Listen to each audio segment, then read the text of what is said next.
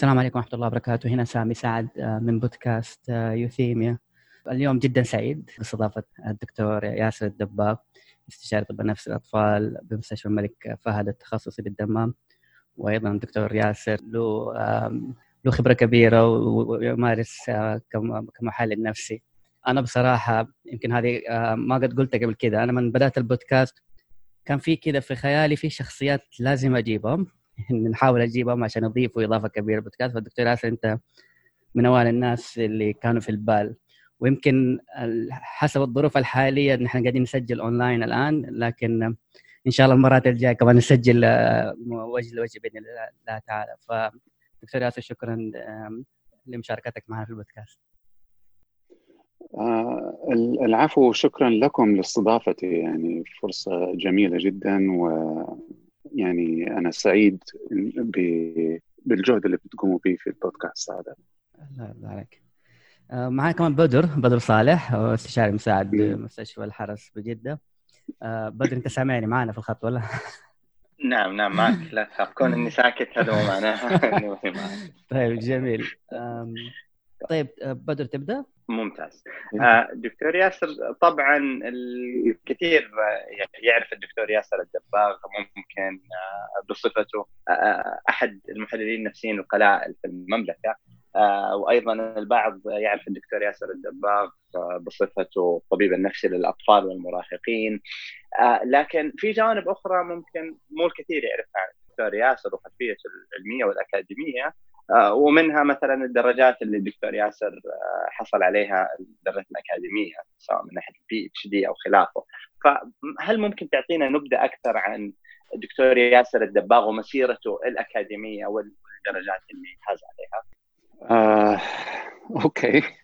آه، يعني أنا تخرجت من كلية الطب بجامعة الملك سعود عام 1993 و آه، يعني آه، أكملت آه، سنة الامتياز ومارست كطبيب مقيم في الطب النفسي تقريبا أربع سنين في السعودية وحصلت فيها على دبلومة في الطب النفسي من الكلية الملكية الإيرلندية في دبلن. والحقيقة كان ما في برامج آه، آه، تدريب في الطب النفسي في السعودية غير برنامج كان دوبه ناشئ في جامعة الملك سعود. بعد كده آه، انضم لهيئة التخصصات اللي كانت برضو ناشئة في هذاك الوقت. وكان باب الابتعاث مغلق بسبب الأزمة اللي تلت حرب الخليج. ولما فتح باب الابتعاث قررت إني يعني أقدم بدل ما آخذ الطريق المختصر بإنه يعني كان كان بإمكاني إنه أكمل زي ما أنا وكثيرين عملوا كذا. وقدمت على البعثة وحصلت على بعثة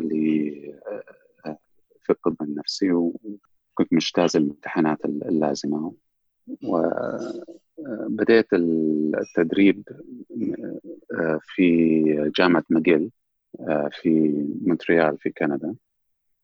وكملت آه، التدريب في الطب النفسي هناك. وكان في تخطيطي إني أتخصص طب نفس أطفال من البداية. وأثناء التدريب حصلت على دبلومة من جامعة ماجيل في الطب النفسي العام. وقبلت في الزمالة في التخصص الفرعي في الطب النفسي آه، للأطفال المراهقين. وبدأت في التدريب هناك آه، آه، في هذا التخصص. وحصلت فيه كذلك على دبلومة من ماجل في طب نفس الأطفال المراهقين. أثناء التدريب في الطب النفسي العام قبلت في المعهد الكندي للتحليل النفسي. وبدأت في التدريب أثناء التدريب آه، في التحليل النفسي أثناء تدريبي في آه، الطب النفسي العام. وكذلك أثناء تدريبي في الطب النفسي العام آه، استطعت أني أكمل تدريب كامل في العلاج المعرفي السلوكي. ما كان له برامج تدريبية منفصلة وقتها لكن آه، استطعت خلال التدريب إني أحصل على تدريب فيه. آه، وكذلك آه، قبلت في الدراسات العليا في العلوم العصبية الأساسية وبدأت فيها أثناء التدريب في الزمالة بعد ما انتهيت من التخصص العام في الطب النفسي. التخصص العام في الطب النفسي انتهيت منه في 2001 ابتديت في التدريب في العلوم العصبية العامة. فكنت في فترة كانت شوية صعبة. آه، كنت أدرس آه، يعني الطب النفسي للأطفال المراهقين وفي نفس الوقت بكمل في تدريبي في التحليل النفسي وفي نفس الوقت بدرس العلوم العصبية الأساسية. آه، الحقيقة كذلك اخترت مجال في العلوم العصبية الأساسية كان شوية معقد وغريب على طبيب إنه يدخله. آه، كنت بدرس آه، التصوير الدماغي آه، أثناء النماء. والتصوير الدماغي من المنظور التشريحي مش من المنظور الوظيفي. لكن بدرسه من من من الجانب اللي هو بيطور ال ال ال الأدوات والمناهج البحثية ال methods آه، آه، جانب معقد وجانب آه، تكنولوجي مش يعني مش طبي. كنت بحاول إنه أوجد ال bridge اللي بين الناس اللي بيطوروا الأدوات وبين الناس اللي بيستفيدوا من منتجاتهم في الدراسات اللي هي لها علاقة بالعلوم الحيوية والنفسية الطبية. ولأنه كنت يعني مركز على الأطفال وفترة النمو وهذه كانت كان كان شيء جديد بالنسبة لهذا المجال.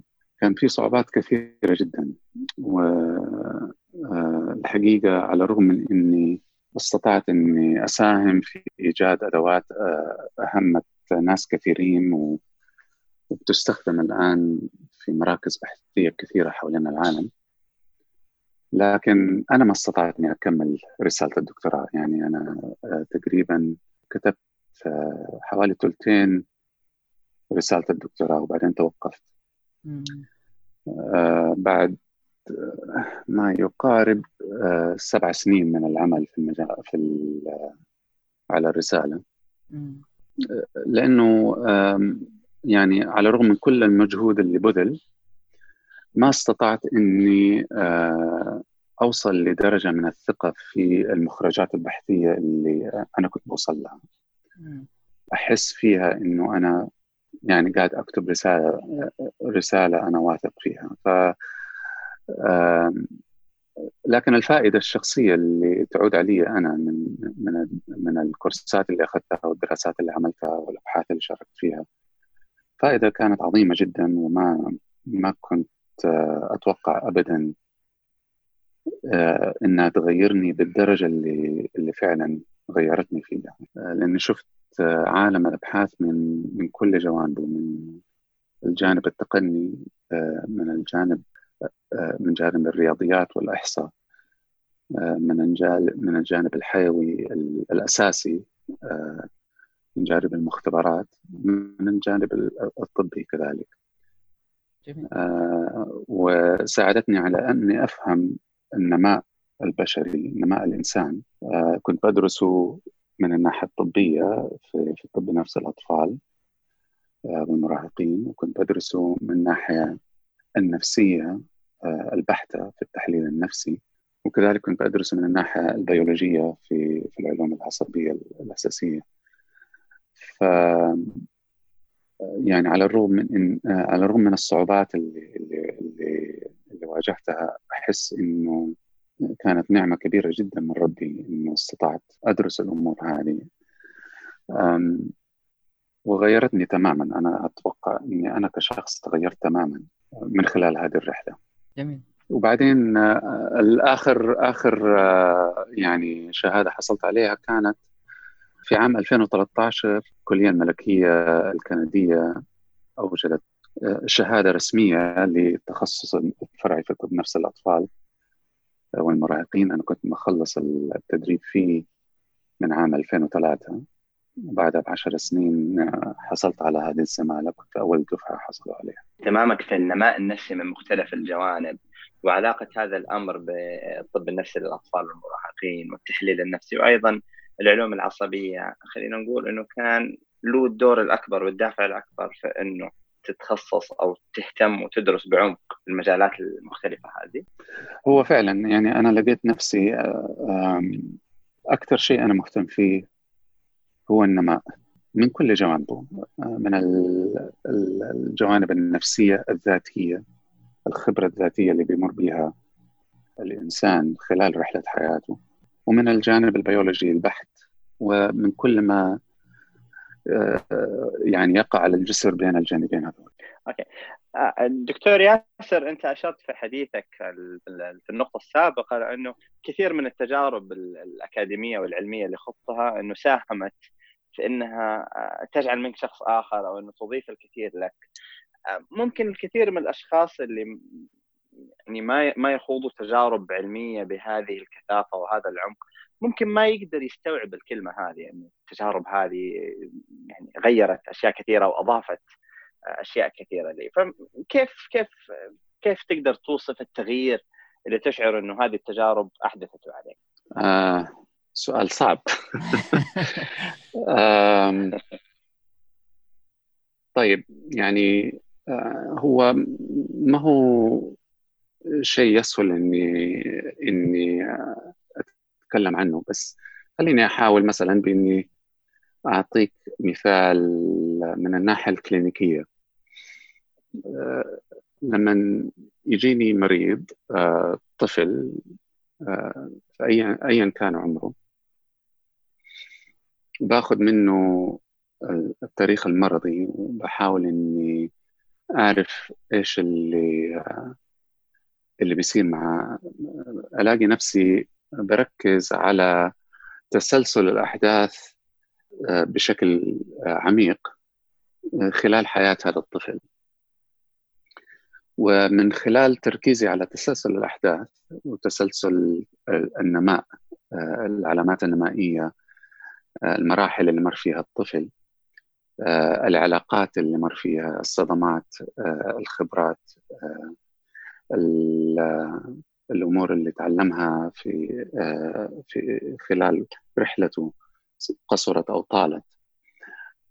ألاقي نفسي بفكر فيها على ثلاث خطوط متوازية. يعني كل معلومة بسمعها بفكر فيها في في ثلاث خطوط متوازية تقريبا. آه، بفكر فيها من ناحية الخبرة الذاتية للطفل. معنى الشيء اللي قاعد بمر فيه بالنسبة له إيش ممكن إنه يكون؟ وكيف المعنى هذا يتكون من خلال الخبرات اللي مر فيها من خلال البيئة آه الاجتماعية اللي اللي نما فيها البيئة التربوية اللي نما فيها علاقاته اللي كونها. نفس الوقت بفكر فيها من الناحية البيولوجية بفكر في كيف تسلسل الأحداث هذه وكيف الخبرات هذه بتغير في نماء ووظيفة آه، الدماغ عنده آه، بشكل تراكمي من من الناحية آه، من ناحية القدرات الذهنية القدرات المعرفية كل القدرات اللي بيمر فيها الطفل بما في ذلك القدرات على تنظيم المشاعر وتنظيم الضغوط النفسية. ما بتكلم فقط على الدماغ على منظومة الجسم بشكل كامل في التعامل مع الأمور هذه كلها. وبعد كده من الناحية التشخيصية الطبية الخط الثالث بحاول إني أجمع اللي فهمته من الخطين الثانية يعني علشان أوصل إلى منظور يساعدني إني أكون فهم لحياة هذا الطفل فهم يمكنني كممارس كلينيكي إني آه، إما إني أقدم شيء مفيد للطفل أو لأسرته من من تمكينهم من فهم إيش اللي بيصير أو بقدم شيء مفيد من ناحية إنه تدخل علاجي يساهم في التقليل من المعاناة اللي بيمروا فيها. أو الاثنين مع بعض. وغالبا بيكون هدفي إنه الاثنين مع بعض إنه ساعة فهم الطفل والأسرة للي بيحدث إنها تزيد بحيث إنه الفهم في حد ذاته يؤدي إلى تغيير. آه، وإنه أوجد تدخل علاجي مناسب. بس التدخل العلاجي هنا بيكون في كثير من الأحيان يعني مفصل على مقاس الطفل. مش مبني على الفئات التشخيصية المتعارف عليها. يعني كثير من اللي بيصير في الطب بشكل عام وفي الطب النفسي أحيانا بشكل خاص إنه والله أنا التشخيص الفلاني له العلاجات الفلانية أو التدخلات العلاجية الفلانية. و أختار منهم شيء مناسب للطفل وخلاص. في العادة ما بفكر بهذه الطريقة آه، مع المرضى. بفكر بأسلوب مختلف آه، ناتج عن ناتج بشكل زي ما نقولوا أورجانيك عضوي من خلال طريقة التفكير هذه في الحالة. طبعا يعني أنا ما أعرف إذا كان آه، كثير ب آه، أنا متأكد إنه في كثير غيري بيفكر بهذا الشكل في الحالات لكن آه، أشعر إنه أنا ما استطعت إني أعمل هذا أتخذ هذا الأسلوب في التعامل مع الحالات إلا من خلال إني أنا تعرضت لكل آه، المجالات هذه أثناء تدريبي. كان يعني من من من حسن حظي إني استطعت إني أمر بهذا بهذه الخبرات التدريبية. ما أدري أنا وصلت الفكرة أو لا بس آه، بالعكس بالعكس دكتور. آه، في الأمانة أثناء كلامك السؤال تبادر إلى ذهني يعني أشعر إنه لابد أسألك إياه بحكم آه، خبرتك وتجاربك في المجالات المختلفة اللي ذكرناها. بالرغم من إنه يمكن السؤال خارج المحور الأول ولكن لا بأس إني أسأله ممكن ننتقل بعدها للمحور الآخر مع سامي. ذكرت دكتور إنه تجاربك في التحليل النفسي وأيضا من ناحيه العلوم العصبية ربما ساعدتك على فهم أكبر وأعمق للتنشئة آه، ودورها من ناحية آه، تكوين الطفل والشخصية وما إلى ذلك وأيضا تأثير الجانب البيولوجي أو الجانب الحيوي على هذا الأمر. وطبعا زي ما أنت عارف دكتور واحدة من أقدم ال debates أو ال أو ال أو المناظرات اللي هي خلاف nature versus nurture أو هل هل هل الشخص ينشأ نتيجة الجين أو نتيجة الجوانب البيولوجية أو نتيجة التنشئة والبيئة والظروف والتربية والأشياء هذه. ممكن حيكون من الصعب إني أطلب منك يعني نظرة بسيطة عن الموضوع هذا لأنه عميق جدا ولكن بعد التجربة هذه كلها إيش استنتاجك الشخصي في هذه المسألة؟ آه، استنتاجي الشخصي إنه آه، آه، تكوين الإنسان لا يمكن أن نفصل فيه العاملين هذول عن بعض الاثنين بيرقصوا مع بعض رقصة مستمرة متلازمة آه، ومستديمة آه، مستحيل إنه آه، اللي بنسميه نيرتشر اللي هو التغذية الحاصلة من البيئة العوامل البيئية إنها تكون كافية لتكوين إنسان لأنه حتغذي إيش؟ حتغذي مخلوق له تكوين حيوي والتكوين الحيوي هذا بيحدد التغذية هذه إيش ممكن إنها يعني توجد في في المخلوق الحيوي هذا. في المقابل يعني العوامل الحيوية اللي إحنا مولودين بها بتتفاعل مع هذه التغذية بشكل متواصل. فبيكون لها يعني تحديد لمدى إمكانية البيئة في أنها تحدد المخرجات. لكن هذا هو دورها أنها بتحدد هذا المدى. لكن إيش في خلال المدى هذا حتكون النتيجة؟ آه، مسألة آه، تعتمد على التفاعل المتواصل بين البيئة والمدخلات الحيوية. فمن شبه المحال إن واحد يفصلهم الاثنين عن بعض. آه، ما أدري. يعني يمكن هذه أبسط طريقة إني آه، أجاوب على على السؤال. لكن كثير من الناس بيحاولوا إنهم بشكل آه، إقصائي يركزوا على أحد الجانبين.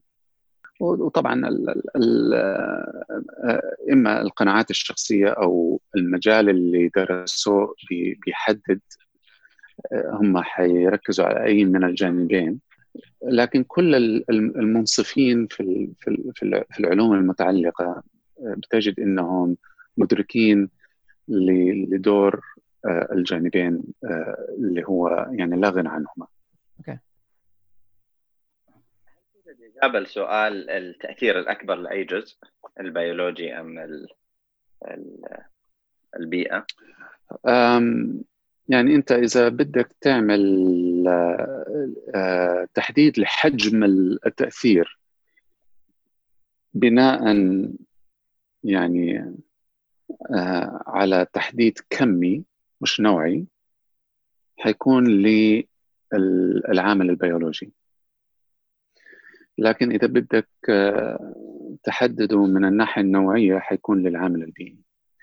لأنه العامل البيولوجي بيحدد لك آه، يعني لنفترض إنه أنت مثلا آه، آه، العامل البيئي ممكن إنه يعطيك من الصفر للمية. العامل البيولوجي يقول لك لا أنت حدك ما بين 35 إلى 5 إلى 65 فقط.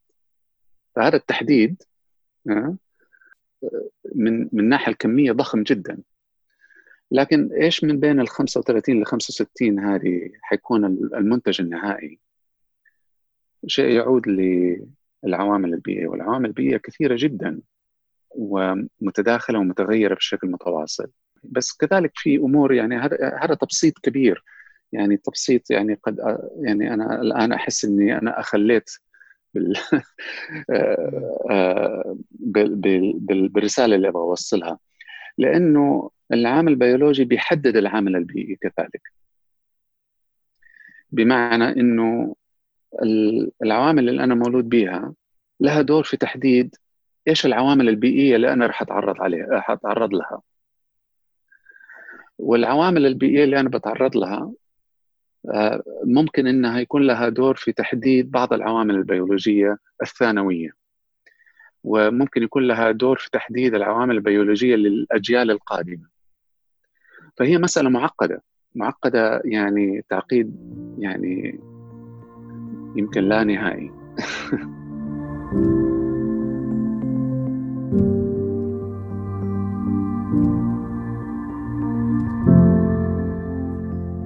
طيب دكتور أنت عندك موقعك الشخصي آه وصراحة موقعك الشخصي اسمه دكتور دباغ دوت سي اي الموقع أنت حضرتك حاط فيه آه، أقسام كثيرة منها أحد الاقسام هي المدونة. نعم. والمدونة الخاصة بحضرتك آه، أنا يعني أقولها بدون أي يعني تحيز إنه هي شيء بالفعل يستحق القراءة والاطلاع. وما شاء الله عليك يعني أنت تحدثها أول بأول. ف وأنا قاعد احضر المحاور قبل فترة فقلت خلينا نطلع على المدونة حقتك. ففيها أشياء صراحة تستحق النقاش تستحق ناخذ ونعطي فيها. وأنا أخذت منها كذا جزئية حنتناقش فيها اليوم. آه، في مدونة لحضرتك اسمها آه، نشر العلم في التخصصات الصحية. آه، أنت نعم. ذكرت في جزئية منها المقطع التالي التصارع مع دافع إعلام العامة بشكل مبسط. عن معايير تشخيص ما عن ظواهر اضطراب ما عن طرق علاج مرض ما عن الآثار الجانبية والعلاجية لدواء ما. أجد في ذلك الدافع على الرغم من مبتغاة السامي خطرا كبيرا لا أعلم في أغلب الأحيان كيف يسيطر عليه. طيب أنت هذا أنت غلقت غلقت كلامك هنا في التد... في الجزئية هذه من المدونه أنا خليني أقول الكلام اللي أنت كتبته أشعر إنه مختلف بشكل نسبي أو ما بقول كبير ممكن يكون كبير لكن خلينا نقول نسبي عن الرائج أو اللي يحصل بيننا نحن كمتخصصين سواء في وسائل التواصل الاجتماعي سواء في الوضع الاجتماعي بين الناس. فليلى تكلمنا شوية عن فكرتك في المقطع ده في الجزئية دي في التدوين. آه أول شيء شكرا يعني على اطرائك آه على المدونة. والمدونة هذه على فكرة يشملها الكلام اللي أنت اقتبسته هنا أوكي. آه إنه يعني أرجو إني أنا ما آه إني أكون بذلت ما يكفي من الجهد وما أتصور إني بذلت ما يكفي من الجهد. إني أتفادى المحاذير اللي اللي أنا أشرت إليها في في الاقتباس هذا. في في واقع الأمر التوعية ونشر العلم على الناس اللي عندهم قدر من العلم هو هو واجب. يعني وفي ناس بيشيروا إليه على إنه زكاة العلم يعني. وما نختلف في هذا الموضوع على على الإطلاق. وكثيرين في مجالنا في العلوم النفسية أو في الطب بشكل عام بيأدوا هذا الدور بامتياز بيقوموا بدور توعوي كبير جدا. الدور التوعوي في غاية الأهمية. المشكلة في الموضوع هي طريقة التوعية طريقة إيصال المعلومة. لأني أنا وجدت أنه في ميل لمحاولة شرح المرض بأسلوب يصف يعني الأعراض والعلامات اللي تؤدي إلى تشخيص أو وصف العلاج وصف العلاج بأسلوب يعني قد يجعل من القارئ اللي هو يعني يمكن غير مختص أو على درجة ضئيلة من من التخصص أو الاطلاع على علوم التخصصية إنه يشعر إنه في شخص بسط له المسألة ويستطيع إنه ياخذ العلوم هذه ويطبقها على أرض الواقع. لما يجيني مريض في العيادة وبيشكي لي عن معاناته في نسبة كبيرة من الأحايين بي بي بيتبرع من عنده بتشخيص يقول لي هو هذا التشخيص يا دكتور؟ هو هذا هل حستفيد من هذا الدواء يا دكتور ولا من هذا العلاج النفسي يا دكتور؟ أو يقول إنه أنا توقعت إنه أنا كان عندي هذا المرض ورحت للمعالج الفلاني وطلبت منه العلاج الفلاني أو الجلسات النفسية الفلانية. يعني ما وجدت غير في حالات نادرة إنه كانوا ماشيين في الطريق الصحيح. بمعنى إنه المجهود التوعوي أدى إلى ما قد يكون ضرر. كون إنه مريض يتجه في اتجاه خاطئ ويضيع وقت. خلال آه، من خلاله قاعد يعاني أو يحاول يعالج نفسه أو شخص يقدم آه، نصيحة بناء على مقالة قريها أو على تغريدة قريها ممكن إنه يؤدي إلى تضليل أو تضييع وقت ثمين جدا كان ممكن الواحد يكسبه في, في العلاج اللي هو موجه التوجيه الصحيح. من الأمور اللي بلاقيها آه، يمكن متزايدة في الفترة الأخيرة هي إنه الإنسان لازم يبذل مجهود مع آه، المرضى في مسح معلومة وإعادة تعليمها. يعني من من المعروف إنه أصعب من التعليم إنك أنت تحاول تغير التعليم اللي اوريدي موجود اللي هو موجود أصلا. ف يعني هذا اللي أنا بخاف منه وبخاف من الجهود التوعوية اللي بيقوم بها ناس كثيرين جدا عن حسن نيه وعن طيب خاطر وعن رغبة في آه، تعميم الفائدة إنه بعض اللي بيحدث ما بيكون واخذ المحاذير هذه آه، في الاعتبار. أتمنى إنه يكون إنها تكون نسبة بسيطة من اللي قاعد يحدث. لكن يعني أنتم تقدروا تكونوا الحكم. يعني أنا اللي بشوف إنه كثيرين من اللي بيعملوا توعية على وسائل التواصل الاجتماعي وعلى التلفزيون وعلى القنوات الفضائية آه، بيعطوا شرح آه، وكأنهم بيحاولوا إنهم يشرحوا لمتفرج أو مستمع أو قارئ ما له أي خلفية في المجال آه، تبسيط آه، للعملية التشخيصية أو العملية العلاجية. وهذا وهذا هذا النوع من التوعية في رأيي له خطر وممكن يؤدي إلى ضرر. طيب آه، دكتور ياسر أنا دحين بكون معك صريح جدا. في يعني أنا بالفعل بعض الاحيان لما أنا أقرأ أو أشاهد. آه، بعض المتخصصين اللي زي كذا يكون لهم آه، محاولات أكيد آه، في نيتها جيدة وأكيد لها دور إيجابي لو كان بسيط في تبسيط التشخيصات وشرحها ومن خلافه. عادة لما تيجي وقت الأسئلة تيجي يقول واحد يتصل ولا متصل ولا أحد يسأل في الكومنتس في التعليقات على هذا يقول له أرجع للمختص أرجع للطبيب. فيعني في تحس إنه يشرح يشرح وفي الأخير طب انت شرحت كل شيء بعدين ليش تبغاني ارجع للطبيب وليش ارجع للمختص؟ هذا دائما كده نقطة تحس إنه دائما يصير زي زي الثغرة أو الجاب في في التوعية وفي الأخير طب أنت ما ما شرحتها كله ليش تبغاني أرجع للطبيب؟ فهذه شيء كده دائما أنا ألاحظه وبالفعل يكون طب أنت ليه ليش تكلمت عن الموضوع من أصله وليش شرحته للناس؟ هذا جانب. الجانب الثاني انت برضو ذكرت في تدوينتك آه، أنا أقتبس الآن في التدوينة. كتبت في واقع الأمر فإن كثير من المختصين الذين ينشرون مواد إعلامية عن تشخيص ما أو علاج ما موجه للعامة هم ممن بهرتهم المادة التي أرادوا بها إبهار جمهورهم. كثير منهم يبادر بنشر ما بدأ في تعلمه قبل أن يتمكن منه فربما طغى إغراء وسيلة النشر وجاذبية إعجاب الجمهور على أهمية الدقة والحرص. آه انتهى اقتباسك. طيب أنا أحس النقطة هذه جدا عميقة وأنت قاعد تتناول زي المثل اللي يقال إنه تتناول الفيل اللي موجود في الغرفة ولكن ما حد بيأشر عليه ما حد بيتكلم عنه.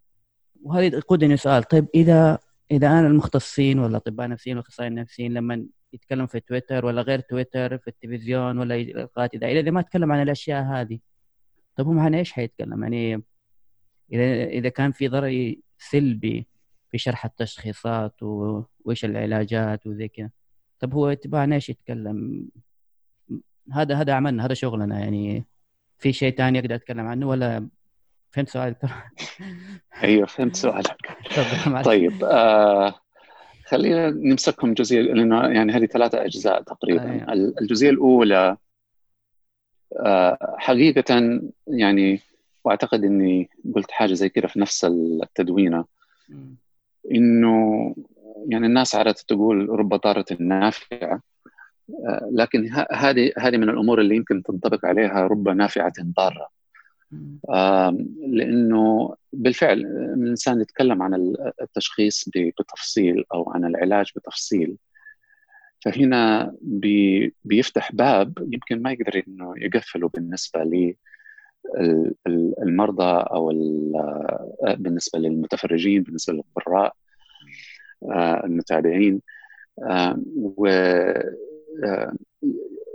ربما ما فكر في في في في, في النتيجة هذه. لكن في نفس الوقت يعني قد تكون فيها فائدة خفية بالنسبة للبعض إنه مجرد إنه تكلم عن هذه الأمور ربما حركت بعض المستمعين أو بعض القراء آه، إنهم يفكروا في وضعهم هم أو في وضع أحد الناس اللي يحبوهم. و ويلجأوا إلى طبيب فعلا أو يلجأوا إلى أخصائي نفسي فعلا بحيث إنه يتم فحص المشكلة بشكل عميق وبشكل متفرد منطبق عليهم هم. وأنا ما أقدر إني أقول لك لأي درجة الجانب الضار أكثر أو الجانب النافع أكثر لأنه ما أعرف إنه إنه حصلت دراسة على هذا الشيء تعطيني هذه البيانات. بس إنه أنا بالنسبة لي أجد إنه لابد ان الواحد يأخذ المسألة هذه في الاعتبار أثناء العمل التوعوي وإلا ممكن إنه نفقد السيطرة على الوضع. بالنسبة للجزئية الثانية الاقتباس الثاني اللي أنت اقتبسته. زي ما زي ما بتقول the elephant in the room الفيل اللي في الغرفة اللي ما حد ما حد بيتكلم عنه. وفعلا هذه يعني إحنا كأطباء نفسيين كأخصائيين نفسيين كعاملين في في المجال أو في أي مجال ثاني في مجال كلينيكي مجال ممارسة صحية في دعم للآخرين. وسائل الإعلام بما فيها البودكاست هذا اللي إحنا بنشارك فيه بما فيه المدونة حقتي تويتر أو أي وسيلة إعلامية أخرى. يعني وسائل مبهرة. وسائل بتلفت الانظار للمتحدث. يعني قد لا يوجد درجة من الشك إنه إنه الشيء هذا بيتداخل مع نفسية المتحدث الشخص اللي بيقوم بالتوعية. قد تتداخل مع دوافع الشخص. يعني الأثر على الجمهور هي نتيجة مطلوبة من هذا الجهد. والأثر على الجمهور مش فقط وصول المعلومة لكن قد يكون كذلك إعجاب الجمهور قد يكون متابعتهم عدد ال likes وال retweet عدد المتابعين عدد قراء المدونة. يعني هل اللي اللي بيقوم بالعمل التوعوي وأشمل نفسي في هذا الشيء هل بيفكر في كذا؟ أثناء ما بيقوم بالعمل. هل بيبذل جهد لإخلاص النية؟ آم لا؟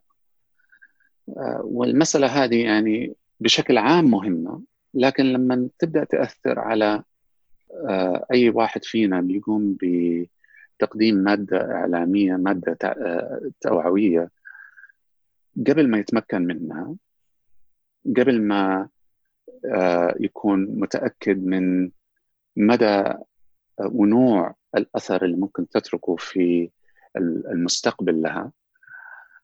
يعني تسير ال يعني ما هو ما هو محذور واحد محاذير عدة. و يعني أنا أتمنى وأنا بطلب الشيء هذا من نفسي قبل أي أحد ثاني إنه لازم الواحد يفكر في هذا الشيء. قبل ما يتكلم قبل ما يغرد قبل ما يسجل بودكاست طيب دكتور قبل ما نخش في المح... في النقطة الثالثة آه، طب أنا قاعد أفكر طب نحن عملنا يعني كأطباء نفسيين وأخصائيين نفسيين جزء كبير منه يعتمد على فكرة آه، إنه نحن أنا الحين جاي في بالي مصطلح عامي إنه نحن مكلمجيه نتكلم نهرج نعم. ونتحدث ونوضح. وسيلتنا هي الكلمات وسيلتنا هي الشيء اللي نقوله. ما عندنا فرضا ما عندنا تدخلات جراحية بشكل آه، مباشر. آه، هذه بضاعتنا. آه، وهذا الشيء يعني يجعل أنا يجعلني أنا كشخص يعني أنا أستخدم هذه البضاعة لكي بشكل أو بآخر أوعي أنصح أوضح لكن برضو أبهر أسوق من هذه الجوانب. فهذا الجانب إنه هذه هي بضاعتنا يعني بالفعل مؤثر. يعني أحس إنه نحن هذا وسيلتنا هذا ادائنا في الغرفة نحن غالبا حنتكلم ونأخذ ونعطي وأكيد نحلل أكيد نشخص أكيد له جوانب أخرى. بس هذا الجانب الخفيف في في عملنا يجعلنا بالفعل أكثر عرضة من غيرنا. إنه نتكلم ونكتب ونغرد وأكثر عرضة إنه ناس يتابعونا أكثر أكثر عرضة إنه يصير ريتويت أكثر.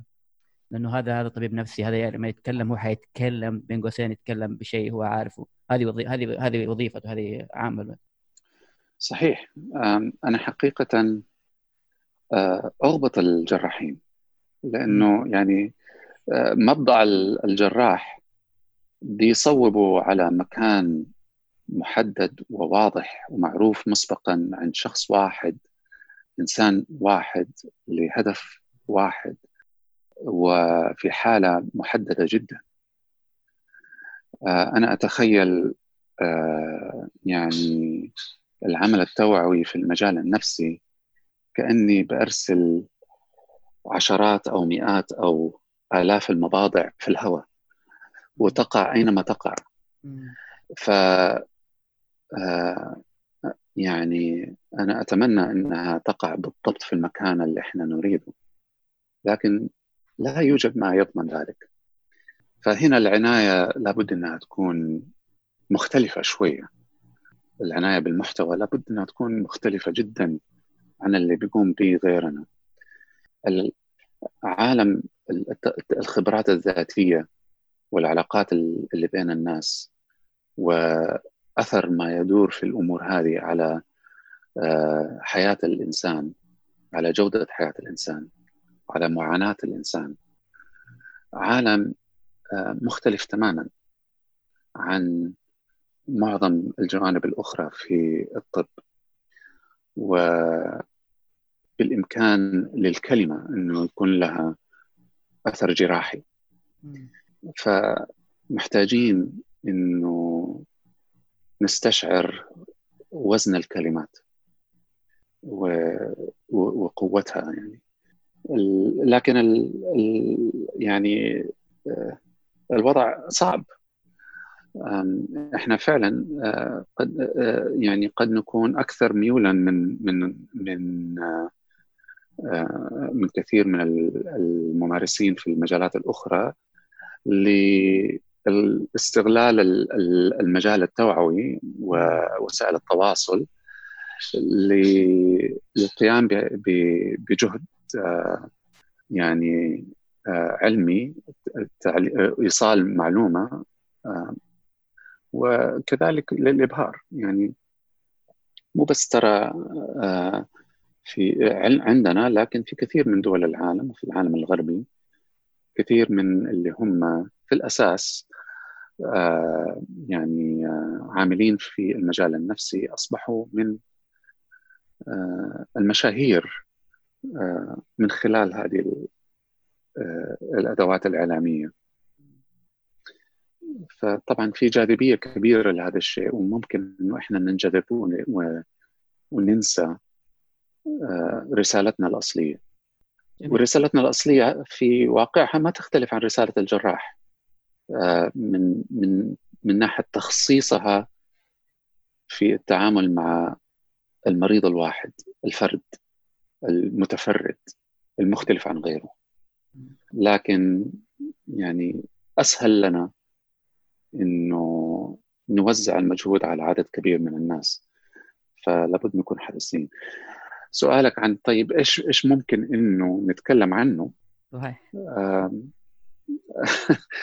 يعني سؤال آه، لأنه دكتور يعني بدون ما أقطع كلامك. يعني أنت لما إذا ما إيه. تب... يعني في ناس لو إنه مشوا على النصيحة أو ما بقول نصيحة على الأشياء اللي نحن نتكلم عنها إنه بلاش يتكلم عن تشخيص ما بلاش يتكلم عن علاجات. يعني ممكن بالأخير ما يلاقي شيء يتكلم عنه. وهو فعلا صعب.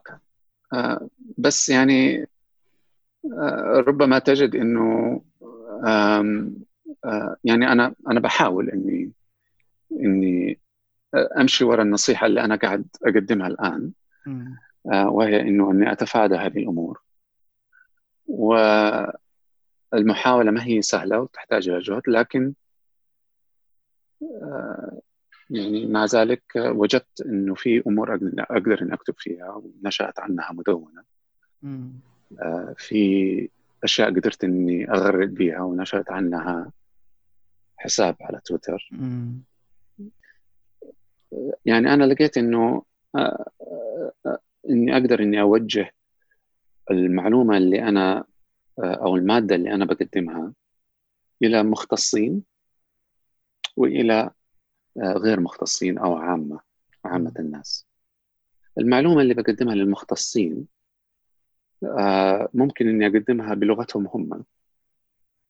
آه، إني آه، مثلا أشارك بمقالة علمية.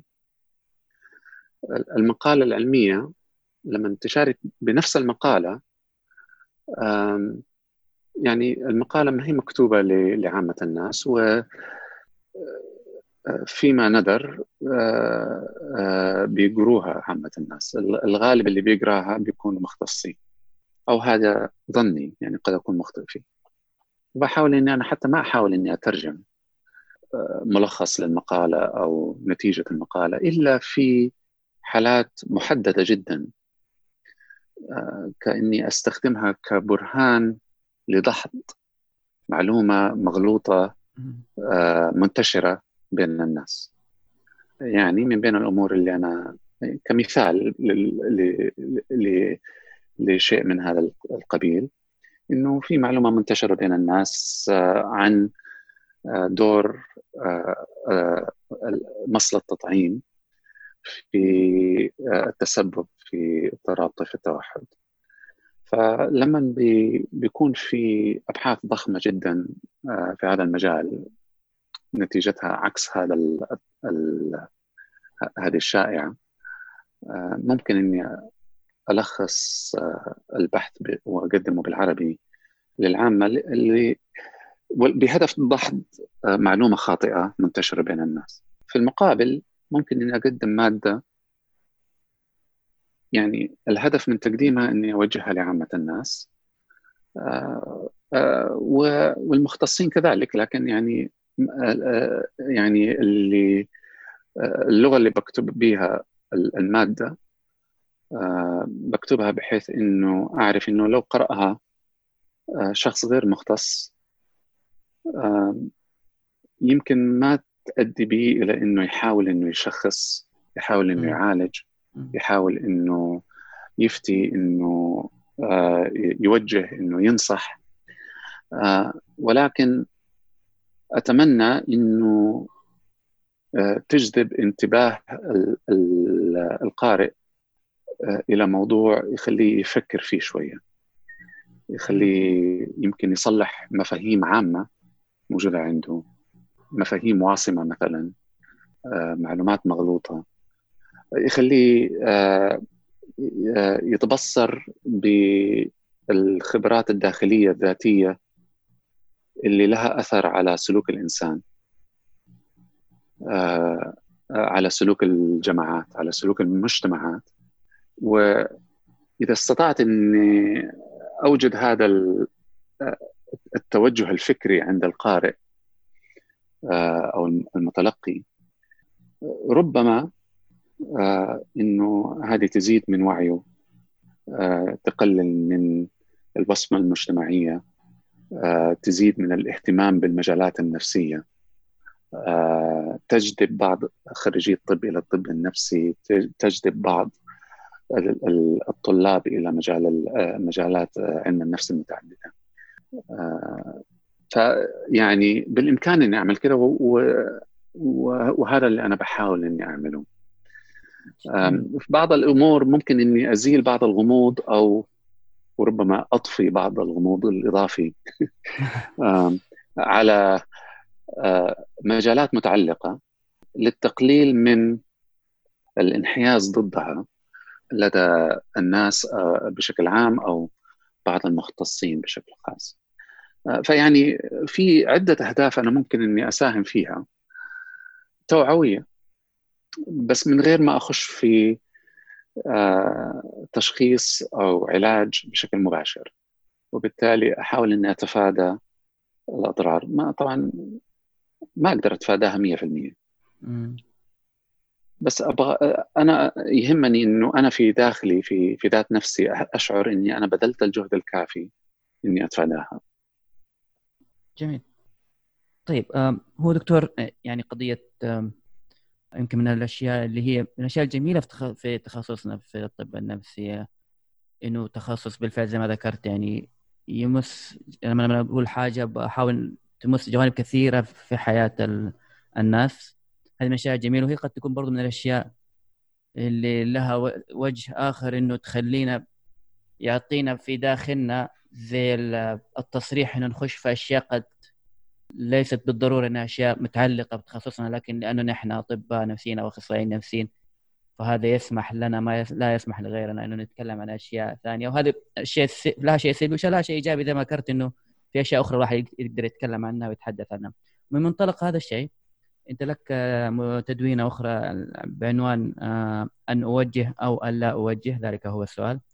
في كتبت مقطع آه، في حذكر اقتباس بشكل سريع. كيف لي أن أصف وصفة سلوكية بشكل عام دون تخصيص لحالة عينتها وقيمتها ووزنت فوائد الاختيارات الممكنة وأضرارها؟ وتأكدت من دافعية المريض وفهمه طبيعة الوصفة وتابعت تطبيقها. وتداخلت في ذلك لتعديلها إن لزم الأمر أو التعامل مع مخرجاتها أيا كانت. عندما يعطي طبيب أو أخصائي والكلام دحين لحضرتك في التدوين عندما يعطي طبيب أو أخصائي نصيحة موجهة لعامة الناس أيأخذ كل ذلك في الاعتبار أو من أنه من الواجب عليها أن يفعل؟ أجزم بأن كثيرين ممن يقدمون النصائح العامة يهتمون بكل هذا إلا أن أعداد من لا يضع هذه الاحترازات نصب عينهم أكثر بكثير مع الأسف. طيب اقتباسك انتهى. أنا دكتور بقولها وهذا رأي شخصي.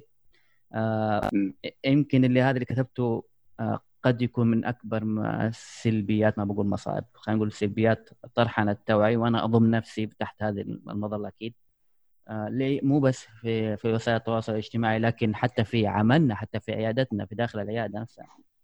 أنا أتفهم يعني نحن دوما تكلمنا عن قضية السبب وإيش ليش آه، قضية الكلمة وإنه قضية الإبهار وغيرها من أمور كثيرة.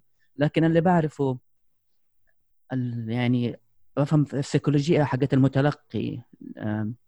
هم ليش ليش المتلقي يعني يعني يعني أنا لما أكون شخص تلقي وأسمع فلان من الناس في تويتر واقرا فلان من الناس في تويتر يقول مثلا خلينا نقول مثلا إنه لا تسوي الشيء الفلاني ولا تعمل الشيء الفلاني وقاطع الفلان الفلاني ولا قاطع الشخص السلبي.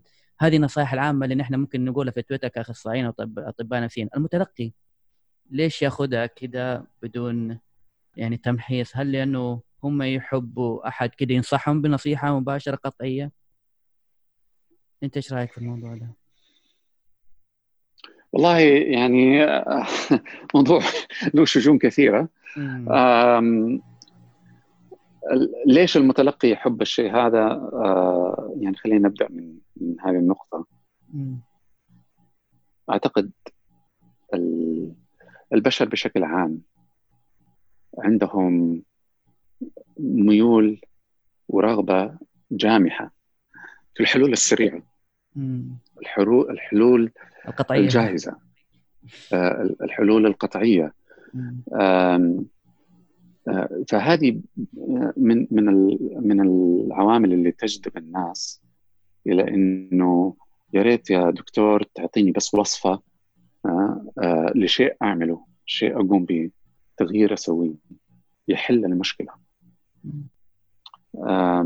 وطبعا هذا بدون بقطع كلامك. هذا كمان برضه يكون عامل مغذي لنا نحن إنه نحن الجمهور عاوز كده. يعني نحن نعطيه الجمهور عايز كده وبالتالي إحنا بنستجيب للطلب هذا.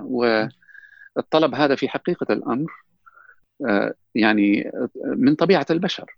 يعني ما هي طبعا في ناس أكثر من غيرهم في ناس يميلوا إلى هذا الشيء أكثر من غيرهم بس آه، طبيعة موجودة في البشر.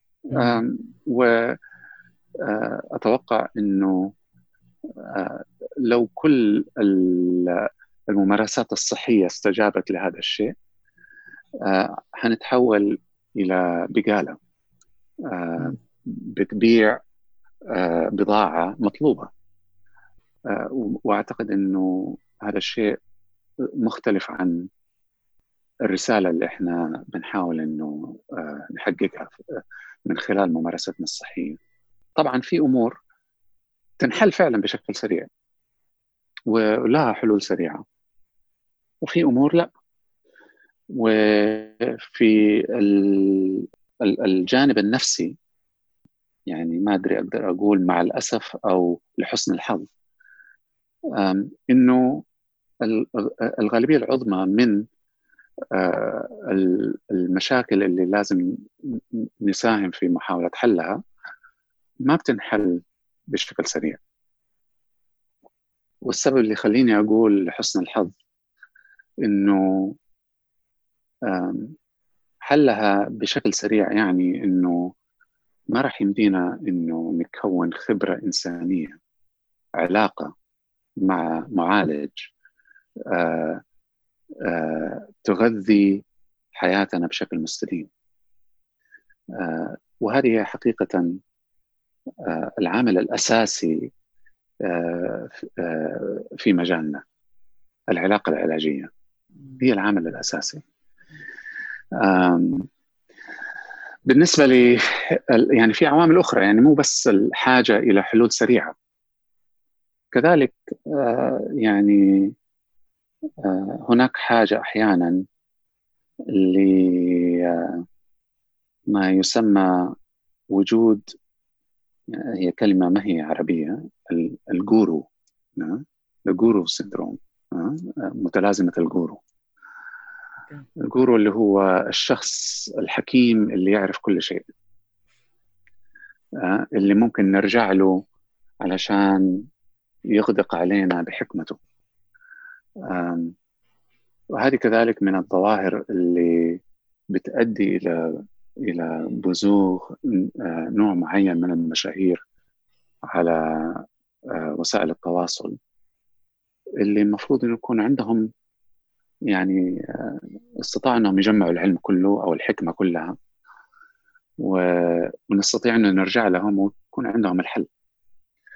وجود الشخص سواء أنا رجعت له أو لا مجرد إني أعرف إنه الشخص هذا موجود بيعطي نوع من الاطمئنان عند المتلقين. آه، وطبعا لازم بعض المتلقيين يساهموا في إيجاد هذا الشخص. هذه ظاهرة اجتماعية آه، آه، موجودة في كل المجتمعات. في عوامل قد تكون أكثر ظهورا في بعض المجتمعات من بعضها. المجتمعات اللي هي تميل إلى التناسق التوافق conformity. إنه أنا لازم أكون زي الناس. ما أكون مختلف. وكل ما اختلفت كل ما آه، أنا شعرت بالضيق وبالكرب و آه، وكل ما زاد احتمالية إنه يعني مجتمعي يهجرني آه، ينبذني. والمجتمعات الشرقية الظاهرة فيها هذه أقوى من المجتمعات الغربية وإحنا منها. هذه كذلك بيظهر فيها الرغبة في إنه آه، يكون في توجيه والتوجيه هذا يؤخذ على إنه توجيه عام. يعني آه، لما أنا آه، أكون واعظ أقدر إني أعطي فتوى والفتوى هذه يعني بتطبق بشكل عام وكل شخص بيفسرها بحيث إنها تنطبق عليه. هذا هذه الاتجاهات أو الميول المجتمعية يعني يجب إنه إحنا كممارسين صحيين كمختصين إنه ما ننجرف وراءها ونكون حريصين إنه يعني آه، ما تأثر على عملنا التوعوي. لكن من الجهة الكلينيكية البحتة مجرد إني إني أعطي نصيحة وأعتقد يعني أنت يا دكتور سامي دكتور بدر آه، وكل المختصين. عندكم خبرات من هذا النوع إنه تطلب من المريض أو أو تقترح على المريض سلوك معين. وتجد إنه المريض يسمع لك ومقتنع تماما إنه الشيء هذا قد يكون مفيد. ويرجع لك في موعد المراجعة ما كنت سوى منه ولا شيء. والمساله هنا حقيقه مش مختلفة اطلاقا عن التوجيه اللي بيحدث في آه، فصول المدارس من المدرس للطلاب من اللي بيحدث في المنازل بين الآباء والأمهات وأولادهم. آه، النصائح اللي بيقدموها الوعاظ آه، للمتلقين منهم مش مختلفة إطلاقا. عملية إني أقدم نصيحة وإنها النصيحة هذه تؤدي إلى تغيير في السلوك. العمليتين هذه منفصلتين عن بعض. تقديم النصيحة شيء وكون أن النصيحة تؤدي إلى تغيير في السلوك شيء مختلف تماما ومنفصل عن النصيحة نفسها. لأنها معتمدة على عوامل فردية جدا آه، عند الشخص المتلقي. معتمدة على عوامل مرتبطة بالعلاقة بين اللي بيقدم النصيحة وبين المتلقي. آه، كل العوامل هذه آه، غير ممكن على الإطلاق لا من قريب ولا من بعيد إني أتحكم فيها إذا كتبت النصيحة هذه على شكل تغريدة. آه، بينما أنا يعني بواجه صعوبة في إني أتحكم فيها لما تكون في العيادة. يعني يكون قدامي مريض وبدي له نصيحة. يعني لازم آخذ الأمور هذه في الاعتبار. كذلك أنا ما أعرف مين المتلقي. لما أغرد. بينما أنا في العياده أنا عارف مين المتلقي. لما أقدم نصيحة في العيادة أنا يعني بقدمها بشكل خاص بالمتلقي اللي في العيادة. عندي معلومات ما تكفي إني أخصص نصيحة مناسبة لهذا الشخص. في تويتر ما عندي أي معلومة عن الشخص المتلقي. حتى لو هو أو هي كتبوا رسالة و... وفيها بعض المعلومات لا يمكن إنها تغني عن تقييم كامل فحص كامل في العيادة. وبالتالي الشخص هذا المتلقي يعني ما راح تناسبه النصيحة وقد تضره. المصيبة الأكبر إنه مش هو المتلقي الوحيد. كل المتابعين عندي وغير المتابعين اللي بالصدفة بتا... بي... بي... بيقروا التغريدة بيقروا نفس النصيحة وبياخذوها كأنها آه، من جورو كأنها من واعظ. كأنها من حكيم آه، آه، اكتملت عنده آه، كل الحكمة والعلم. ويحاولوا إنه يشوفوا كيف ممكن إنها تنطبق عليهم هم. إيش حتكون النتيجة بالنسبة لكل فرد منهم؟ الله العالم. أنا أتصور إنها هذا من من من وجهة نظري الشخصية. وأعتقد إنه في بعض الدول هي كذلك من الناحية القانونية إنه تقديم أي نصيحة مهما كانت بشكل عام على وسائل التواصل الاجتماعي من مختص إذا كانت النصيحة تدخل علاجي تعتبر مخالفة لأخلاقيات المهنة. وتعرض الممارس تبعات آه، قانونية وقضائية آه، كبيرة. وتعرض المتلقي إلى مخاطر كثيرة. أكثر من كده إنها بتشجع كثير من المتلقيين. أوكي آه، دكتور ياسر الدباغ أعطى نصيحة لأحد الناس على تويتر. يمكن أنا لو كتبت له على تويتر ينصحني. أو يديني يقول لي على التدخل العلاج المناسب. يعني أنا بفتح باب. بقول للناس تعالوا من غير الأمور اللي تضمن حقوقهم هم. أنا لما يجيني مريض في المستشفى بينفتح له ملف. الملف هذا بيضمن خصوصيته بيضمن حقوقه بيضمن إنه هو يقدر إنه يعرف أنا إيش سويت لو اضطر إنه يعرف. آه، بيضمن لي أنا إني أقدر أتابع كل العملية العلاجية من بدايتها لنهايتها على الشخص الواحد. بيضمن لغيري آه، إنه آه، يراجع ويشوف أنا أنا مارست بطريقة صحيحة أو بطريقة خاطئة. يضمن حقوق المريض في هذا في هذه الحالة. يضمن للي بيجي بعدي ويكمل العلاج مع المريض إنه يستمر في الخطة العلاجية. آه، الأمور هذه ما هي آه، لم توجد هباء آه، في في في الأنظمة الصحية وجدت لاسباب في غاية الأهمية. وأنا القي بها عرض الحائط بإني أقدم نصيحة علاجية على تويتر. بس عندي عندي بس عندي تعليق على كم نقطة من النقاط في المحور الأخير. آه للأمانة الصورة النمطية اللي سامي يتكلم عنها عن الطبيب النفسي في المجتمع عندنا اللي هو لابد يكون متحدث وملهم وبارع ورائع وعنده كاريزما وعنده نظرة.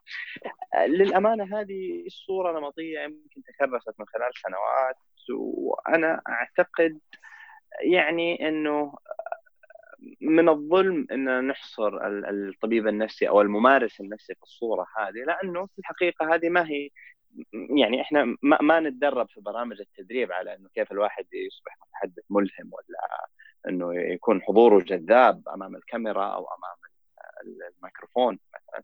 هذه كلها أشياء تكون أشياء شخصية عند الواحد.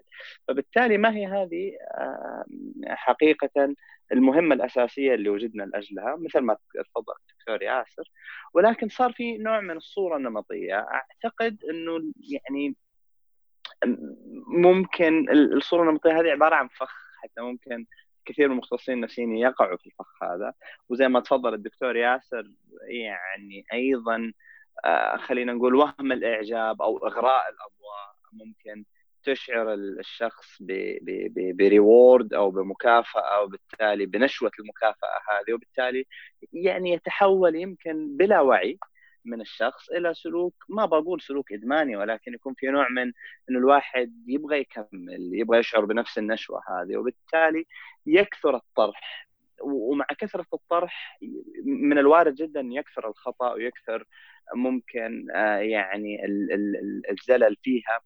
وبالتالي تحصل الأخطاء اللي تحدثت عنها. فلذلك أعتقد إنه يعني من الضروري جدا إنه نستحضر زي ما تفضل الدكتور ياسر إنه ما هي هذه المهمة الأساسية اللي إحنا وجدنا لأجلها. هذه مسألة التثقيف والتوعية مسألة محفوفة بالمخاطر ولها علومها اللي تدرس بكيفية إيصال المعلومة لأنه مثل مثل ما تفضلتوا المتلقي مش متلقي واحد في في في متلقين مختلفين مختلفين الخلفيات والقدرات والتجارب الشخصية ومن من الناحية النفسية أيضا هناك اختلافات كبيرة. ف البرسبشن أو الطريقة اللي اللي, اللي يتلقى فيها كل متلقي الرساله ممكن تكون مختلفة. آه الحاجة الثانية مثل ما تفضلت يا سامي إنه ممكن الكلام يعني إحنا تؤخذ عننا صورة إنه إحنا يعني حقين كلام خلينا نقول أو كلامنا كثير أو نتكلم أو ما عندنا كلام للأمانة أنا أعتقد إنه فيها جزء من الصحة ولكن فيها جزء كبير أيضا من عدم الصحة يعني عادة حتى في التحليل النفسي والعلاجات التحليلية الأثر العلاجي ما يحدث يعني بسبب وعظ يمارسه المحلل أو المعالج. بينما عوامل أخرى مثلا العلاقة العلاجية مثلا تكون هي بحد ذاتها واحدة من العوامل اللي تساعد على التحسن. وحتى إذا كان في كلام فأغلب الكلام يكون من من من العميل وليس من المعالج. بالعكس المعالج مداخلاته تكون مقتضبة جدا ومحددة وأغلب الكلام يكون من من من العميل. آه، آه، أيضا في تدخلات كثيرة عندنا غير مرتبطة بالكلام مثل التدخلات الدوائية، التدخلات الحيوية البيولوجية الأخرى. آه، أيضا أنواع العلاج النفسي الآخر غير العلاجات التحليلية مثل العلاج المعرفي السلوكي ليست عبارة عن وعظ أو محاضرات أو أو أو أو, نصائح بالطريقة التقليدية بقدر ما هي علاقة تشاركية بين العميل وبين المعالج ويتم فيها يتم فيها وضع خطة والعمل عليها. فلذلك يعني حتى جزء كبير من الصورة النمطية هذه أعتقد إنه في في اسحاف وعدم دقة ويعني لازم لازم نكون منتبهين للنقطة هذه. يعني حقيقة دكتور بدر معك معك حق يعني هو في ال في الخاطئ يعني هو هذا هذه القاعدة يعني قليل الشواذ منها. لكن ال ال يعني النقطة اللي انت أثرتها بخصوص اللي بيحدث في العلاج النفسي أعتقد نقطة مهمة إنه نركز عليها شوية لأنه يعني هذه هذا هو الأساس اللي خلاني أفكر في كتابة التدوينة المتعلقة بالتوجيه.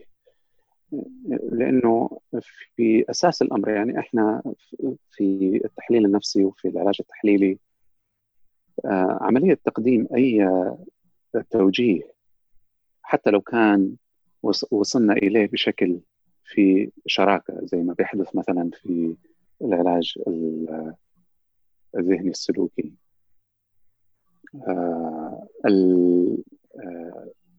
مجرد القيام بتوجيه له دور مؤثر في العلاقة العلاجية ومؤثر بطريقة قد يكون أصعب شوية التعامل معها.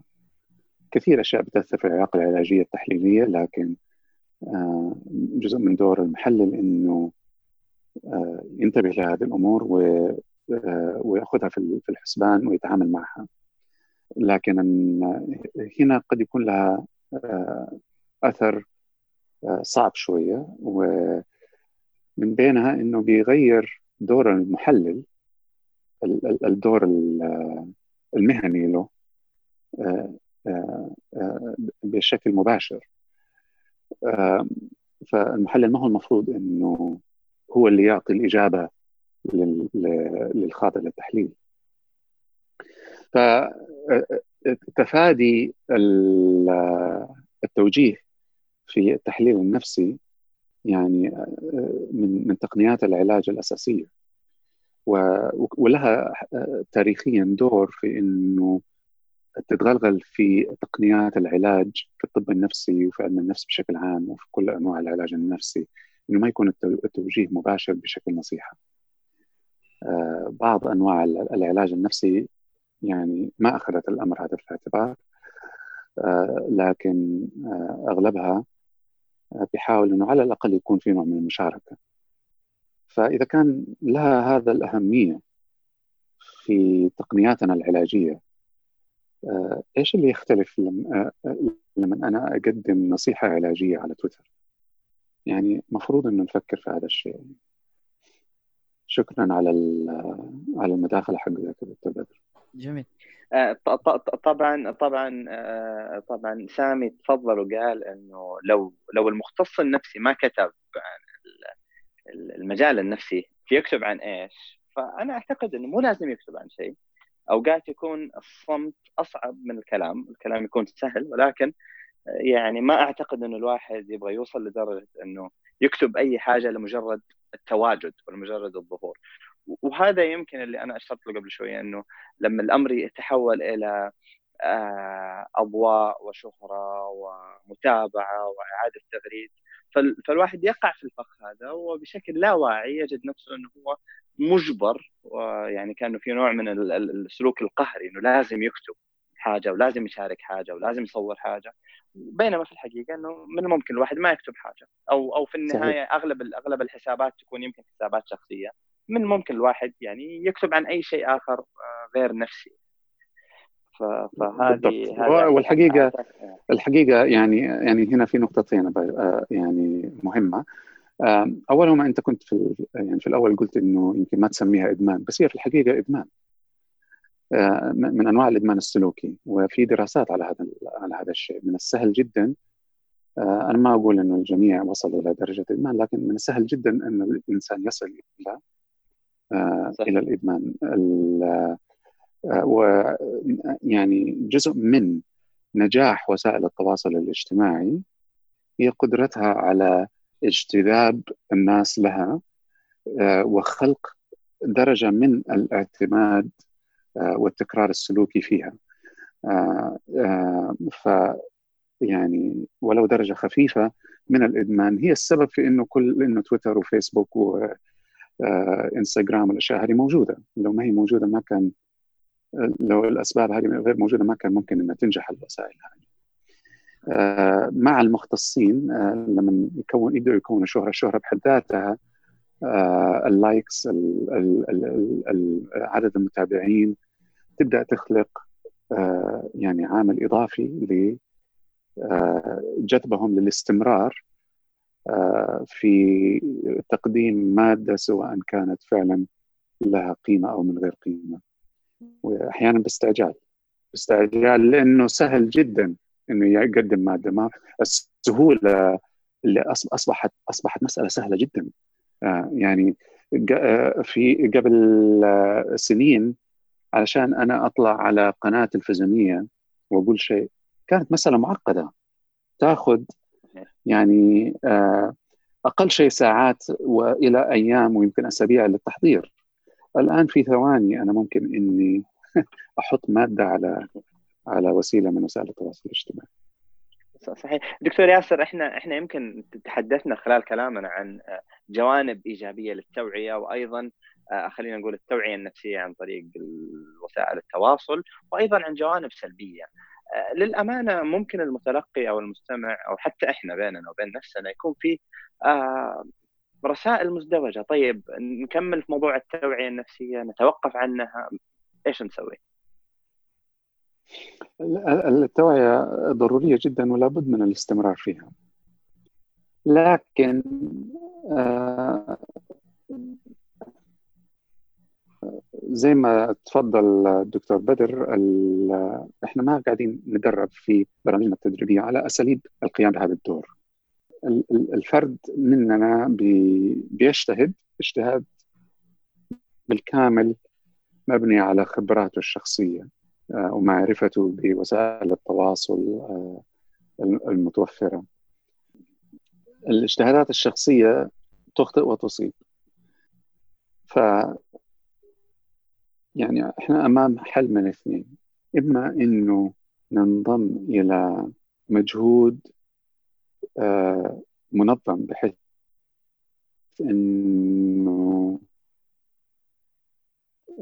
تحت إدارة في آه، جهة آه، سواء خيرية ولا رسمية آه، بتكون فيها مجموعة من الناس بيتشاركوا في الرأي بيستشيروا بعضهم وبيقدروا إنهم يصلحوا أو يتداركوا الأخطاء اللي ممكن انها تحدث.